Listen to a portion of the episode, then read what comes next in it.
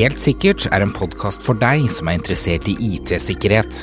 Her tar vi opp aktuelle nyheter, diskuterer dagens sikkerhetsutfordringer og deler gode råd for hva du bør tenke på rundt sikkerhet.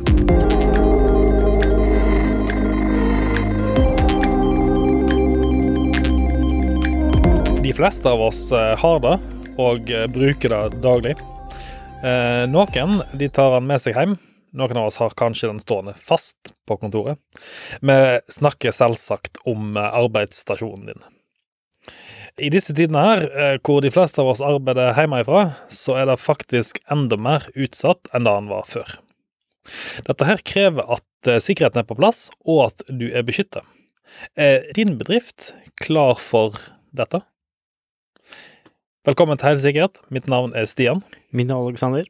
Og i, i, dag skal vi ha om endepunktsikkerhet. Eh, kort fortalt, eh, endepunktsikkerhet. Ja, det er vel noe du installerer på endepunktet din, arbeidsstasjonen din, som beskytter deg mot forskjellige typer angripere eller uh, forsøk på å gjøre ting med maskiner som ikke skal gjøres. Ja, og som sagt, Endepunkt i dette tilfellet her er jo arbeidsstasjon, men et endepunkt kan jo egentlig være mye forskjellig. Du kan, det kan være en server, det kan være en klient, det kan til og med være en printer, det kan være et IP-kamera. Det er ganske mye, men de fleste tilfellene når vi snakker om endepunkt, så er det PC-en. Ja, den arbeidsstasjonen du bruker, for eksempel, eller en, en server eller en ting som, som trenger ja. beskyttelse. Så hvordan sikrer vi egentlig denne her da, datamaskinen vår best mulig? Hvem er det som har ansvaret for å sørge for at den er sikker? Og er det noe vi kan gjøre sjøl som ansatte for å sørge for at vi har sikkerheten på plass? Vi, vi lever dessverre i en tid der det er ekstremt masse trusler ute og går. I hvert fall eh, Som sagt, forrige episode så snakka vi om hjemmekontor og alle de eh, sikkerhetsmessige utfordringene som lå bak det. Vi snakka litt om ransomware, det har vi nevnt tidligere. Men hva utfordringer har vi egentlig på, på PC-en vår i dag som vi kanskje ikke hadde så mye av før? Det er vel det at eh, det er så mange både profesjonelle og, og statlige og hobbyangripere, eller hacker, eller hva du vil kalle de, der ute, som prøver å gjøre ting for å tjene penger. Ja. Før så var det bare for moro. Eh, nå er det faktisk blitt en god business å drive med angrip. Det, det, det, er jo blitt en eh, si milliardbedrift, men det er jo faktisk mye større enn det. Eh, vi har jo eh, snakka litt om rensomhet tidligere og de bitene, og det er jo, det er rett og slett en stor bransje som eksisterer rundt det. For eksempel til ransomware, så har ofte de største ransomware-leverandørene det er ofte callsenter som tar imot samtalene for å få gi deg hjelp. Ja, vi har jo vel alle hørt om den Microsoft eh, som ringer deg og sier at maskinen er infisert med et eller annet, så du mm. må gjøre sånn og sånn, og lurer deg til å nesten betale eller komme inn på maskinen din og stjele ting. Og det, det, det er jo Ofte er det ransomware som kommer frem, men virus, melver, trojanere Altså, bare for å nevne noen av disse her. Ja, altså vi har jo også mm, malware og, og, sånne ting som kommer inn på maskinen din og bruker maskinen din for å mine ting, for eksempel. Ja, bitcoin-miner var jo ekstremt populært her for ett og et halvt, to år siden. Ja. Um, og, og um, malware som går inn og stjeler uh, bitcoin wallets og sånne ting. Så det er jo ikke bare ransomware de gjør for å tjene penger, det er veldig mye annet. Noen går inn for å, å ta over banktilkoblingen eh, for å stjele kontoen. Ja, sånn som trikkbot-trojaneren, for eksempel. Ja. Så, så, det er jo ikke bare ransomware de bruker og, for å tjene litt penger, det er mange, mange måter på å tjene penger på når du er angriper. Det, det, det, er litt, eh, det, er litt, moro, egentlig, fordi at eh, vi, vi som jobber da som sikkerhetseksperter, har ofte verre for å tjene penger enn de som angriper. Det, det, er litt sånn ironisk, egentlig, fordi ta en, et ransomware-angrep, da. Hvis du har fått kryptert exchange-serveren din, så kan fort da føre til at du må ut med bitcoin for en eh, la oss si 5000-6000 kroner. Ja, det, det, er kanskje ikke Det er jo ganske billig å være bitcoin noen ganger. Det er billig å være bitcoin. Ja. Og angripere vil jo kanskje angripe flere enn bare én server, og du må betale per server eller et eller annet sånt. Så, så kostnader kan jo fort komme i astronomiske summer. Eh, og det, det, er jo grunn til at eh, Sånn som, sånn som Hydro, eksempel. At ting koster så mye penger etter et sånn type angrep. Eh, For én ting er jo det det koster for å låse opp serveren, men så har alle disse ekstra kostnadene med å rydde opp. Ja, og, og selv om du da ikke betaler de som du absolutt ikke burde når du får et sånt angrep, for det gjør jo bare at eh, flere og flere vil komme inn i den bransjen, og fordi det er sant. godt å tjene penger der. Så selv om du da ikke betaler, så er det jo fortsatt en stor kostnad. Du må bruke mye tid på å rulle tilbake i backup. Kanskje du ikke har backup, så du må sette opp mye ting på nytt. Og alt det her koster jo ganske mye tid og penger for å få satt opp på nytt.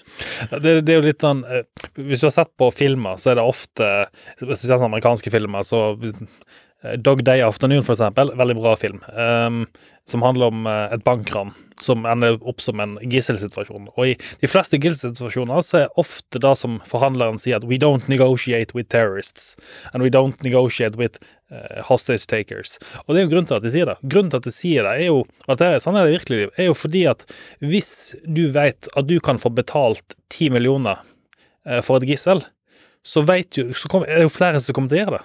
Ja. Og, og vi har kanskje ikke tenkt så mye over det når det kommer til rensever og pengeløse mm, angrip, at de faktisk, når vi betaler, så bare gjør vi det at enda flere vil gjøre det her i framtiden. De fleste har jo da hatt piratene nede i Somalia, eksempel. Det er jo grunnen til at de angriper skip. For de vet at det skipet der, det er verdt én milliard for, eh, for de som eier skipet med lasten om bord. Selvsagt kommer de til å betale ti millioner kroner for å få skipet tilbake igjen. Og varene tilbake igjen. Men hvis vi da har en endepunktsikkerhetsting, så kan vi jo kanskje stoppe de tingene her angrepene for å faktisk få fothold i bedriften.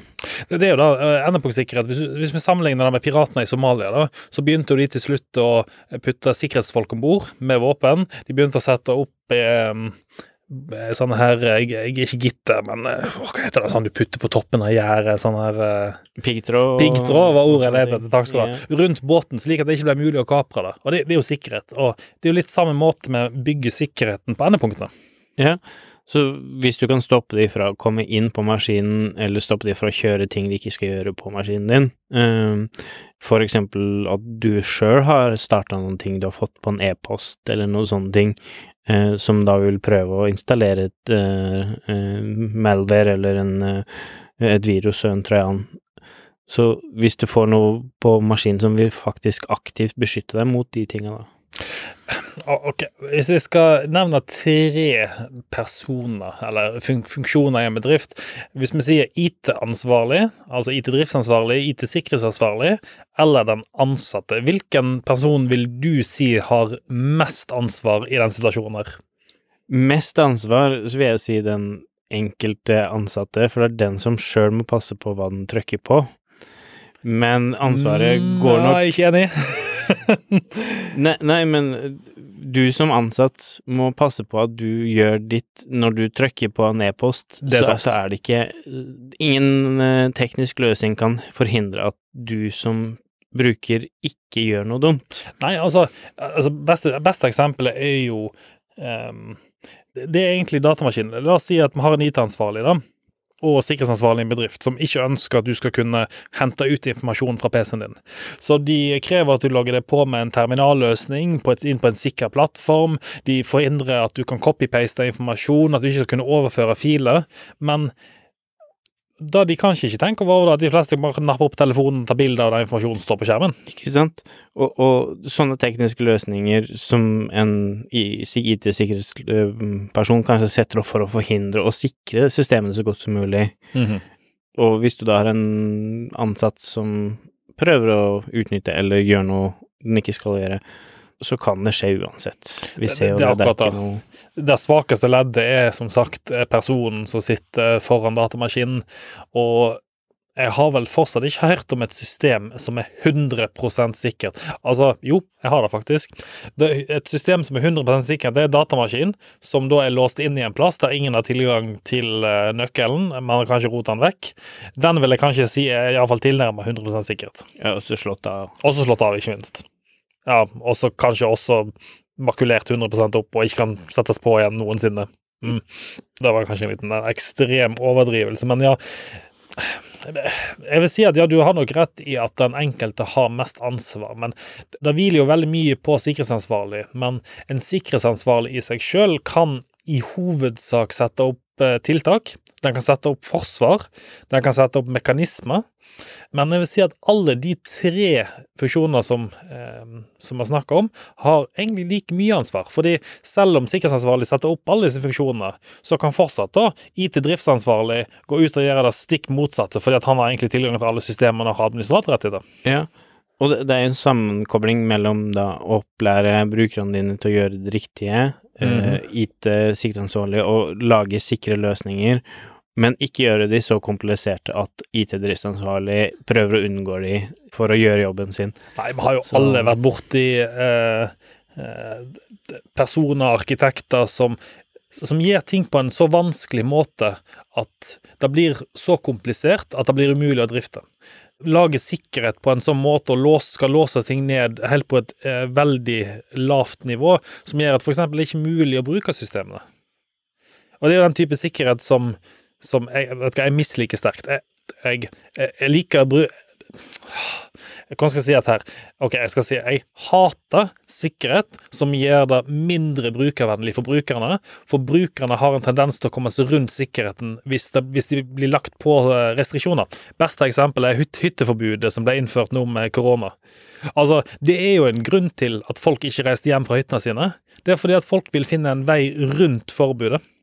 Ja, og, og for eksempel folk som tidligere da, av man skulle ha et så langt, komplekst passord, er jo også et godt eksempel på at Og du skulle gjerne bytte på det hver tredje måned. Å ja, jeg husker de reglene der når de kom med eh, Det var en anbefaling fra, eh, fra det amerikanske eh, sikkerhetsbyrået, og nå husker jeg ikke hva den standarden der heter. Nei, og det endte jo bare med at alle skrev ned passordene enten på en Post-it-lapp og festa den på skjermen, eller under tastaturet eller et eller annet sånt. Gjør man det for komplekst, for vanskelig for brukere eller eh, andre, så, så finner de løsninger for å omgå de tinga her på en enkel måte. Og og de passordkranene var jo som nevner helt ekstreme. Man skulle bytte passord hver tredje måned, minimum 16 tegn.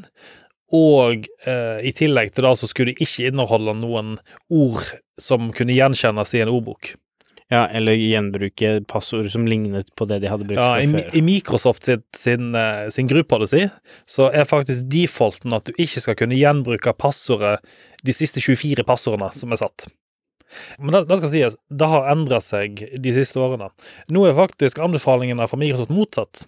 Eh, å ikke bruk, bytte passordet ofte. Heller ha et passord som inneholder masse ord, en setning eksempel, og så bruke tofaktor istedenfor. Ja, og, og, og det at eh, hvis, hvis noen mister passordet sin, så kan man ikke komme inn fordi man har en tofaktor uh, som validerer en login hvis du har mista passordet på en annen måte. for eksempel. Um, det tas litt inn på et litt sånt annet tema innenfor samme eh, endepunktsikkerhetskategorien.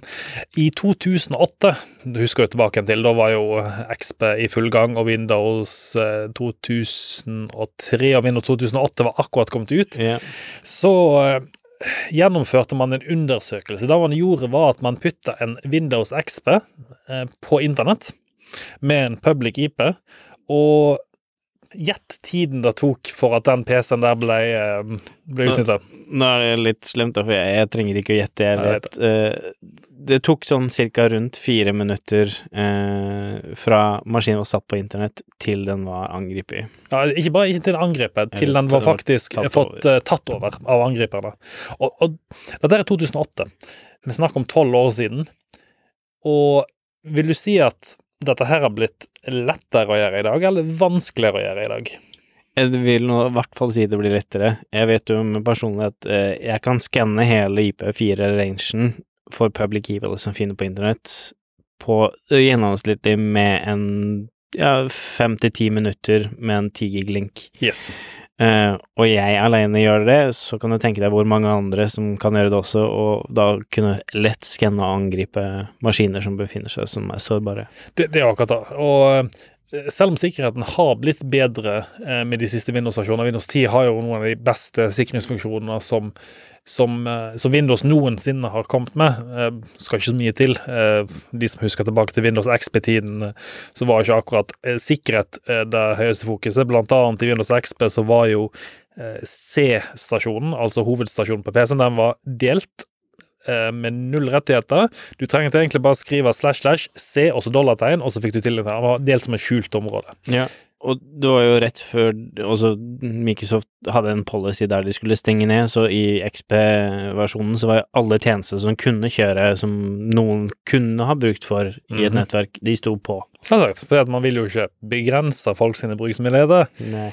Eh, men tilbake igjen til nåtiden. Vi, ser jo litt samme problemet i dag òg, fordi at verden har blitt mindre. Da, da må vi være enige om. Men han har raskere internett. Du sier sjøl du kan skanne hele internett på ti minutter med en 10 gigabit-link. Før så tok det kanskje flere uker, eh, til kanskje år, å skanne hele internett også, fordi at man hadde ikke de kapasitetene vi har i dag. Jeg vil si at vi er blitt dårligere på sikkerhet på enkelte områder. Vi, vi stoler mye mer på folk, iallfall oss nordmenn. Ja, og vi har vel vært veldig flinke til å, å ta i bruk eh, devices som ikke kommer med noen sikkerhet i det hele tatt, for eksempel IoT-devicer som ikke har innebygd sikkerhet. Vi har også maskiner som, som blir levert fra leverandører uten noe sikkerhet på, så vi bare starter å bruke. Og, og når vi ikke da har sjøl tar ansvaret for å installere noen eh, beskyttelse på de tinga, eller beskytter de på andre måter, sånn som IoT-devicer, så, så er jo det åpent for alle å kunne angripe de.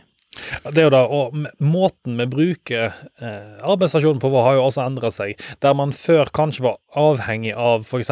store terminalserverløsninger der man gikk på jobb, og så tok man adgangskortet sitt, plugga inn i en sånn eh, liten boks som hadde på kontoret, og så kobla seg opp til en terminalserver. Så har vi gått mer og mer over på laptoper, store stasjonære datamaskiner som står på pulten, kanskje. Kanskje med til og med arkitekter, advokater. Man har personer som trenger veldig mye arbeidskraft, og det er mye lettere å putte den da direkte på pulten istedenfor å ha en stor server stående.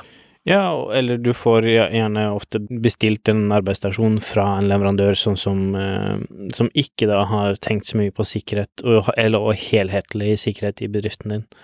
Eh, Så den hver enkelte ansatte kan skaffe seg den maskinen de vil uten å ha noe, noe maskin levert fra bedriften også.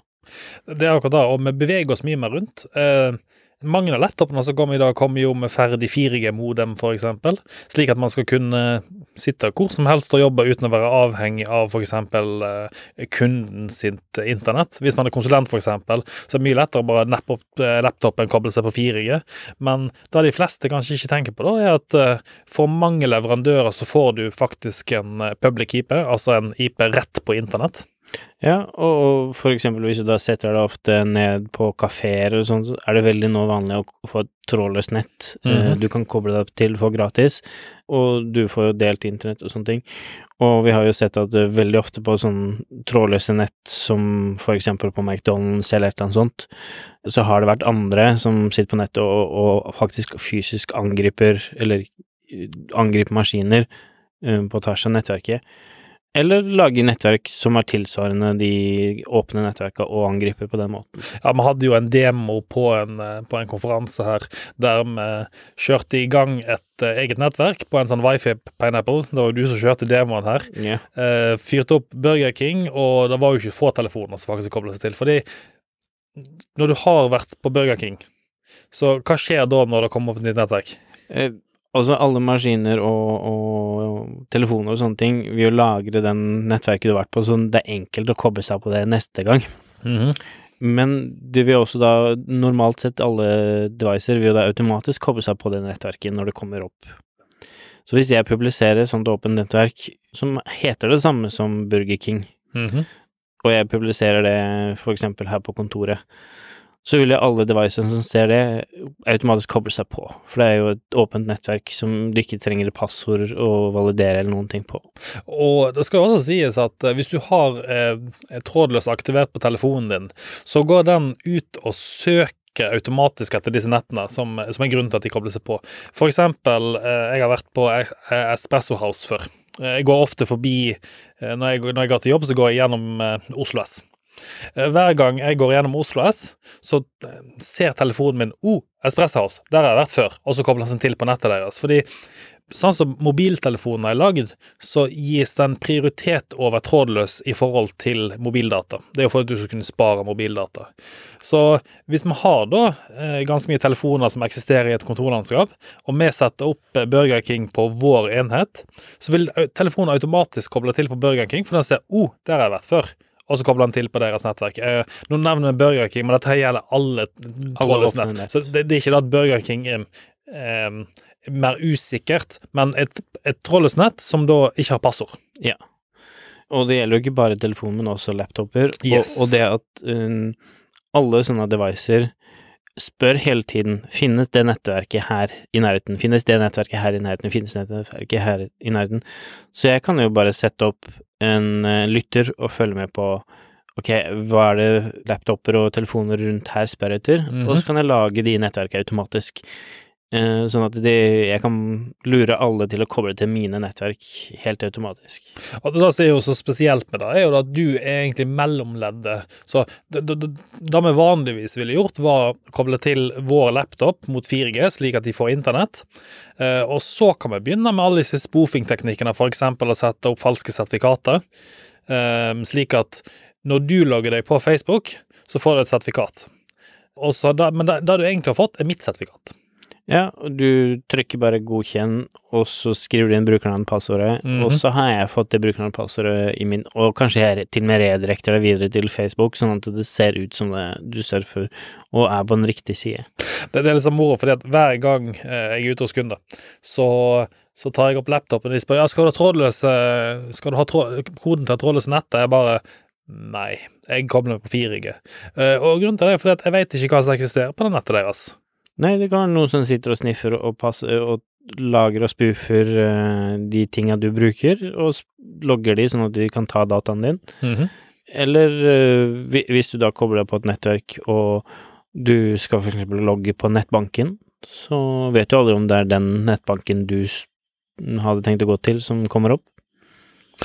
Og da, da tar jeg oss litt inn på eh, Avast hadde en eh, Avast er et sikkerhetsselskap som leverer annet eh, antivirus eh, og endepunktsikkerhet.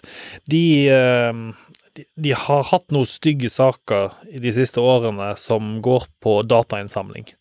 Eh, de hadde en tjeneste de kalte for jumpshot.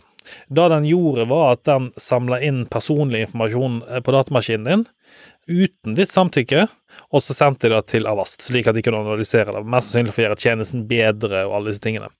Og det tar jo så til da gratis programvare, eh, fordi gratis er det gratis.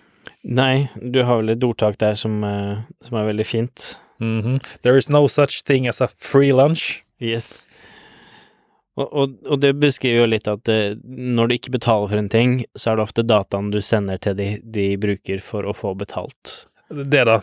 Um, du, du har jo selvsagt ekstraordinære tilfeller, uh, slik som vi ser nå, der for eksempel i Italia så har de faktisk gått ut og gitt gratis internett nå til, til alle innbyggerne i en viss periode, for at de skal kunne jobbe hjemmefra og holde seg produktive, og for at de skal kunne bli inne. Uh, For eksempel gratis eh, 4G, for eksempel.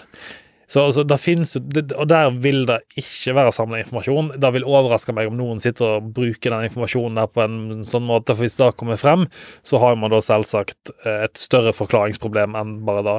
Men det finnes unntak. Men i de fleste tilfeller, gratis antivirus eksempel, det er en grunn til at det er gratis. Ja. Og, og når vi prater litt om antivirus, så er det jo Vi har sagt mye ofte her eh, endepunktsikkerhet, men vi har kanskje ikke nevnt så veldig mye hva endepunktsikkerhet er, og hva, hva det er forskjell fra antivirus og endepunktsikkerhet. Ja, man, man har jo Det, det er jo så mange, mange forskjellige begrep der ute går når man snakker til med en- endepunktsikkerhet. Med endpoint security, next gen endpoint security, med hits og ditt og datt. Men hvis, hvis vi begynner på den enkle biten, da, som alle garantert har hørt om nå, eh, antivirus. Det- er noe som Hvis vi tar, tar oss 10-15 år tilbake i tid, så var det sånn Jeg trenger ikke antivirus. Hva skal du med antivirus? Ja, da var på en måte da de som laga noe virus, laga det for gøy, så de kan eh, åpne opp eh, CD-rommet din og få en kanin til å hoppe rundt på skjermen oh, ja. din. Uh, Sub 7 um, Vi har snakket om denne podkasten før, Darknet Diaries. De har en veldig bra episode som som, eh, som omhandler Sub 7. De som lagde Sub 7, er intervjua av han. Eh, anbefaler for dere som sitter der ute nå og har lyst til å høre mer om det, gå og hør den episoden. Den er utrolig interessant. Men uh, Sub 7, kort fortalt, det er en, en trojaner som er lagd for at i begynnelsen for at de skulle stjele egentlig kontoinformasjon til spillet Everquest, som er et ganske gammelt spill. Og den kan brukes til å gjøre mye gøy med, som du sier, åpne og lukke CD-romstasjonen for de som du hadde da. Du kan starte webkamerasesjon, du kan ta over ting og skrive chat med de. Altså, mye av dette var jo på gøy, og mye av det for å gjøre Jeg vil kalle det litt sånn guttestreker. Ja, og det var jo sånn på en måte virusen kanskje begynte litt i eh, tidlig stadie. At Mm. man gjorde ikke så veldig mye ondsinna ting, man eh, gjorde mer for gøy. Og da var det kanskje ikke alle som sa det at man trengte en antivirus for å være sikker. Men nå i dag så har jeg jo anti, altså virus og, og sånne ting gjør jo mye mer skade enn det gjør godt. Det det er jo det, som sagt, som jeg nevnte tidligere, det er jo blitt en bransje rundt dette her. Um, um, som sagt med ransomware, men det er også med virus i seg sjøl. Og mange av disse gratisproduktene som jeg nevnte tidligere, de har faktisk bare den antivirusfunksjonen. Så de, de, um, de samler inn informasjon, og så sjekker de mot signaturer. Antivirus er egentlig signaturbasert beskyttelse. Det vil si at angrepet må ha skjedd tidligere for at du skal ha en beskyttelse. Og det er jo det vi sier er tradisjonell antivirus, for nå har jo veldig mange bruker antivirus som en felles betegnelse på det som egentlig er en endepunktsikkerhet. Ja.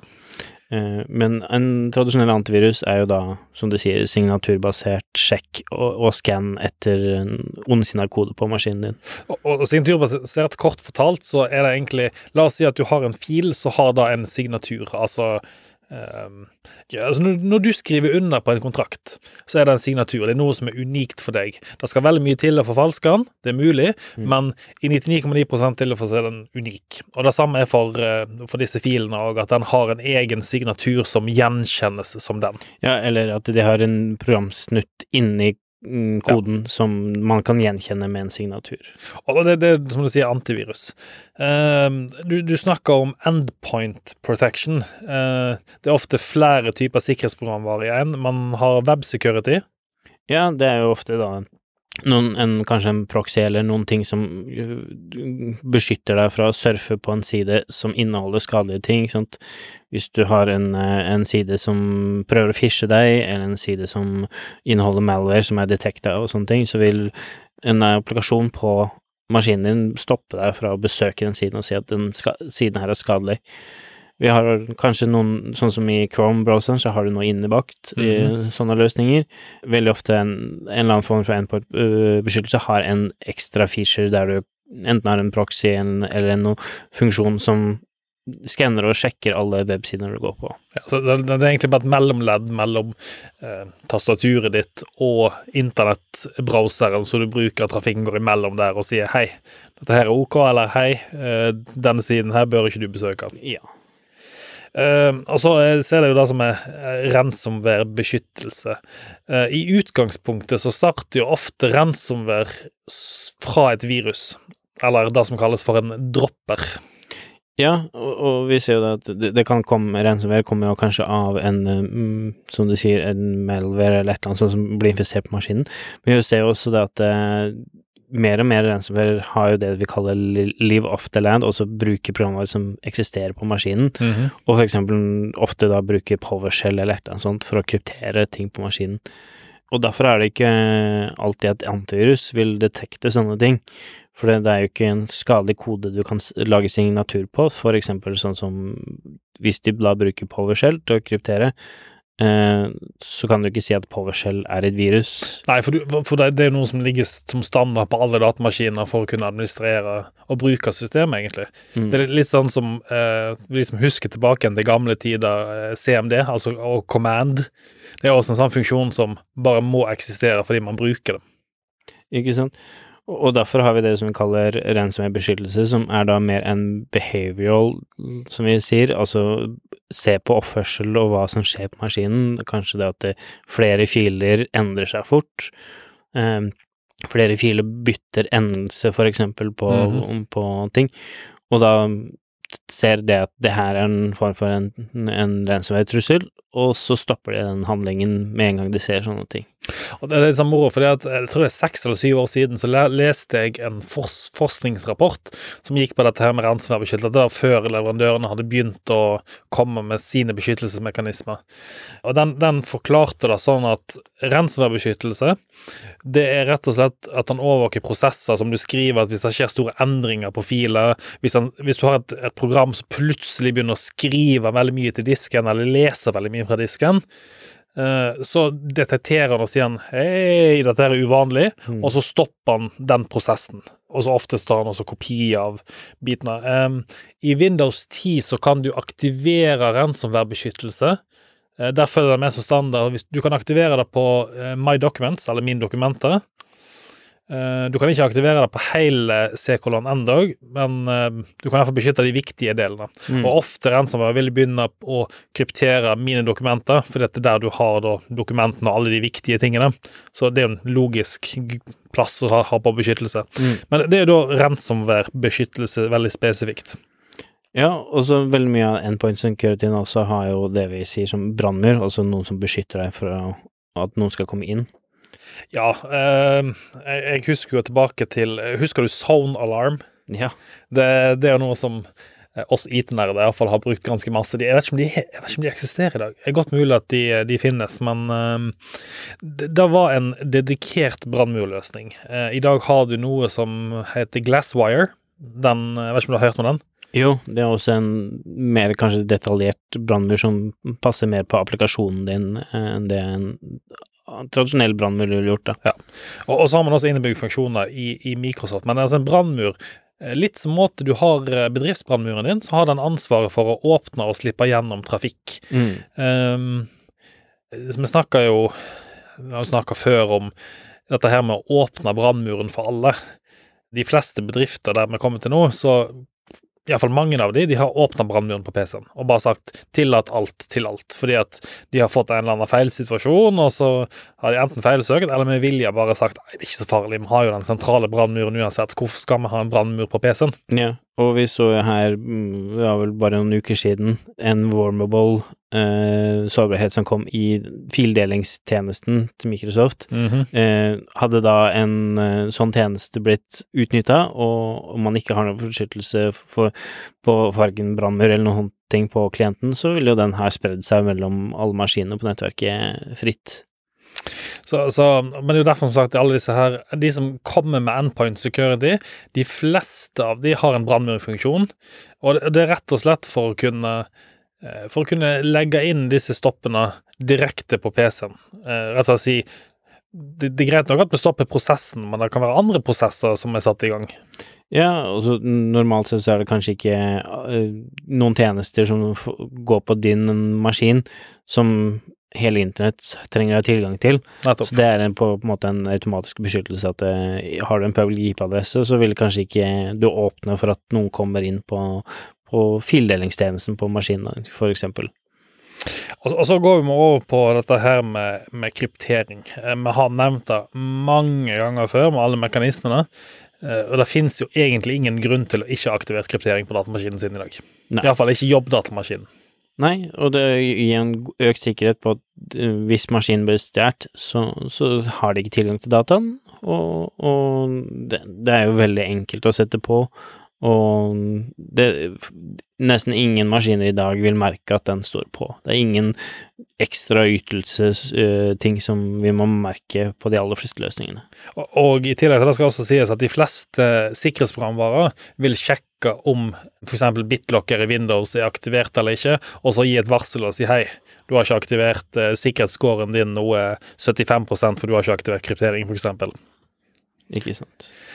Så har vi nok et begrep som eh, de fleste der ute kanskje ikke har hørt om.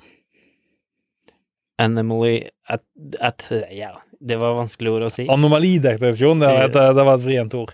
Uh, vi har snakka om next gen security. Folk liker å eh, kalle det artificial intelligence, eller AI, men det er egentlig på dags dato maskinlæring. Ja, og, og det er jo egentlig bare en Den ser på hvordan du jobb, jobber til vanlig, Mhm. og hvilke programmer som pleier å kjøre, for eksempel, eller hvordan de programmene du kjører, oppfører seg normalt sett. Og når det da kommer et unntak fra det, så vil det være en varsel på at det her kan være noe skadelig.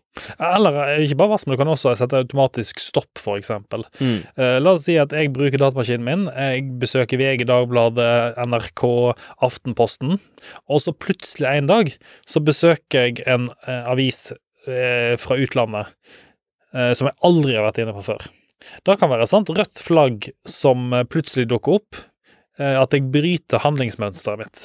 Og da burde jo egentlig vært stoppa, og så sagt et varsel og si hei, nå har denne brukeren for det første gjort noe som man ikke pleier å gjøre, Mm. og for det andre kanskje også stoppe aktiviteten. For hvis det ikke er en spes- spesifikk grunn til at brukeren har gjort det, så vil jeg som sikkerhetsansvarlig kontakte brukeren og si hei, nå har vi oppdaga at du har vært inne på denne siden, stemmer det? Og brukeren kan da si ja, det stemmer, og så vil jeg åpne for det. Men hvis det ikke stemmer, så har du allerede stoppa angrepet før det har fått tatt sted. Mm. Og for eksempel noe som vi har sett ofte, at for eksempel plutselig så vil Excel-dokumentet ditt, eh, eller Excel-programmet ditt, plutselig koble seg til en IP-adresse i Russland. Det er jo en sånn som nesten aldri skjer, men når det skjer, så er det stopp og blokk med en gang. Yes. Og det er jo da anomali. Da, men den bruker jo da en funksjon som kalles for HIDS. Ja. Den kan du forklare litt, for Ja. det er så mange Det, det, det, det står for Host-Based IDS, og et IDS er egentlig en deteksjonsmåte for å finne uh, uvanlige altså Den bruker jo anomali egentlig og signaturer for å finne uvanlige mønster. mm. Eh, det står for Intrusion Detection System, Yes. stemmer det? Eh, og H-en står for Host-Based, så det er egentlig en, en IDS som da lever på maskinen din. Den er nok ikke veldig utbredt i dag, fordi at uh, i mange tilfeller så bruker den ganske mye ressurser. Ja, og, og den stjeler jo litt de teknologiene som befinner seg i andre ting, sånn som antyder, se på Yes. signaturer og sånne ting. Uh, og HIDS er jo ofte mer på kanskje se behaviors av nettverkstrafikken din, og ikke så veldig mye på applikasjoner. Uh, men, men det er en veldig god ting å ha i tillegg til uh, de andre beskyttelsene.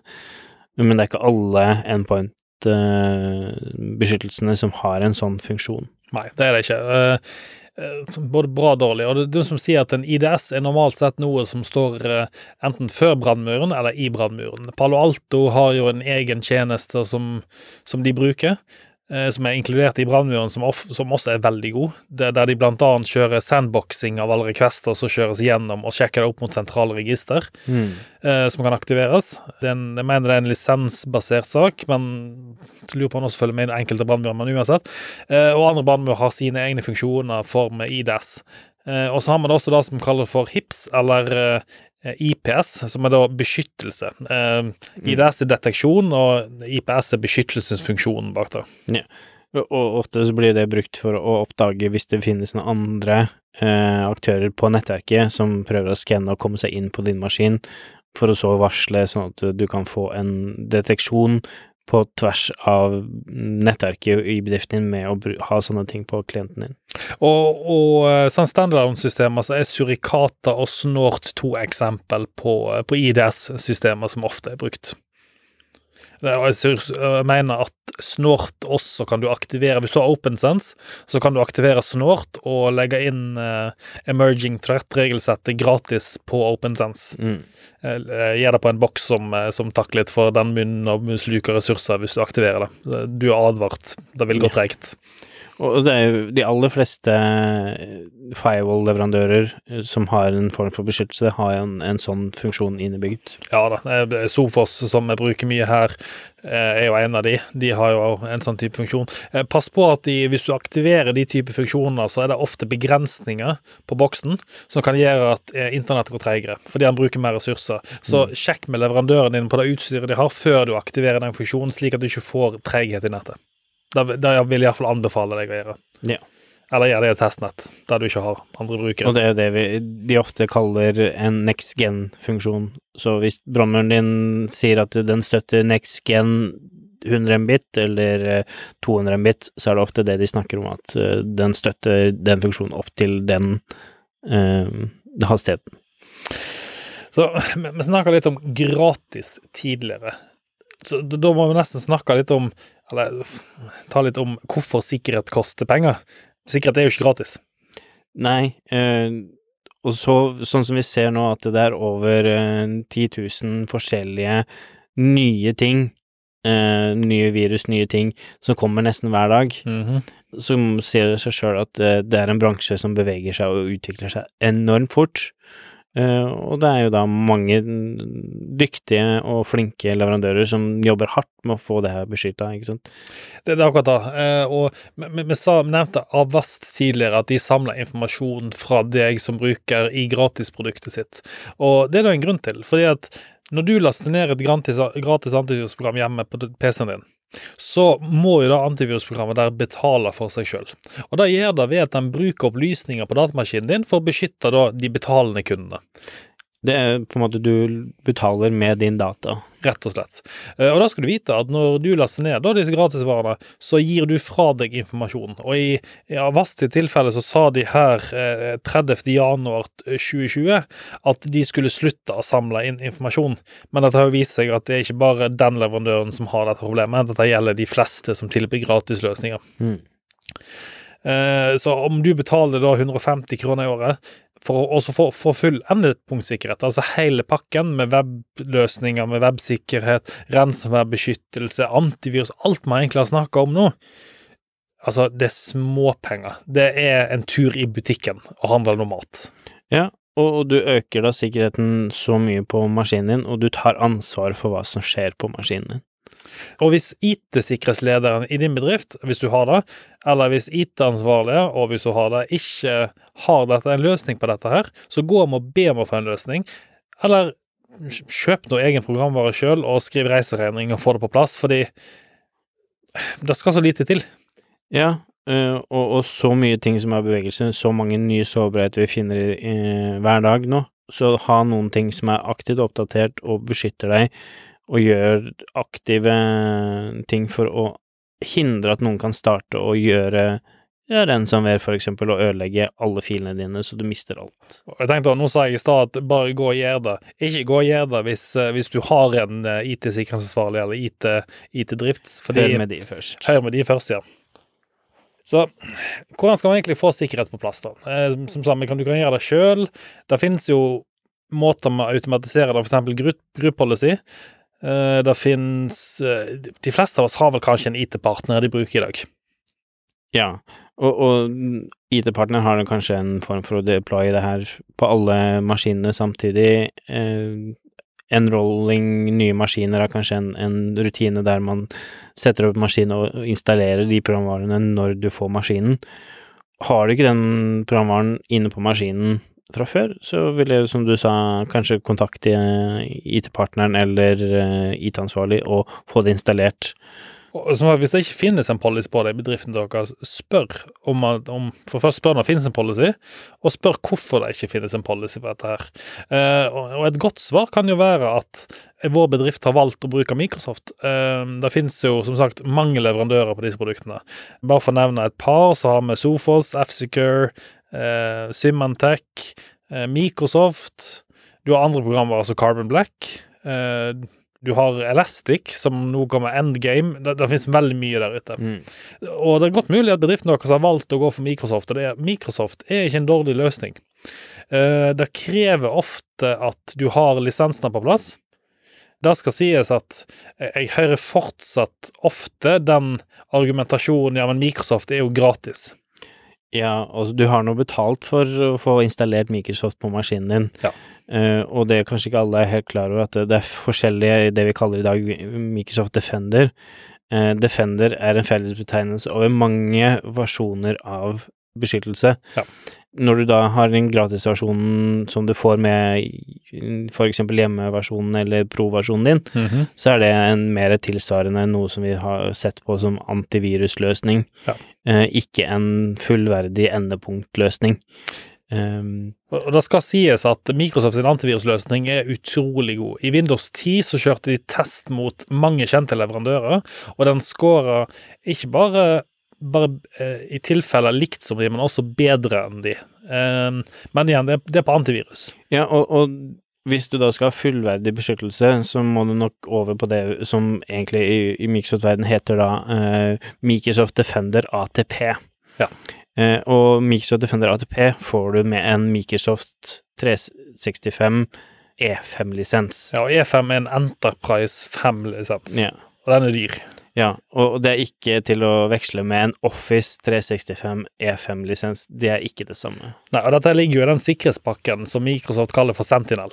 eh, som er jo da sikker, Sentinel er en, et sikkerhetsovervåkningsverktøy, egentlig. På samme måte som du har Altså et CM-verktøy. På samme måte som du har CM for Elastic, du har CM for Splunk, du har CM fra andre leverandører, f.eks. IBM. Så har du også Microsoft Sentinel. Og igjen, det er også en lisensbasert eh, funksjon. Du betaler penger til Microsoft for å bruke Sentinel. Så, så ikke tenk at Microsoft er gratis, derfor skal jeg bruke Microsoft. Finn den leverandøren som passer for ditt bruk. For eksempel, eh, jeg jobber jo ofte med drifter som bruker Sentinel aktivt. Og grunnen til at de bruker det, er fordi at de har et Microsoft-basert miljø. Ja, så hvis du skal bruke Microsoft, eh, så i hvert fall da gå over på Microsoft Defender A til P. Ja.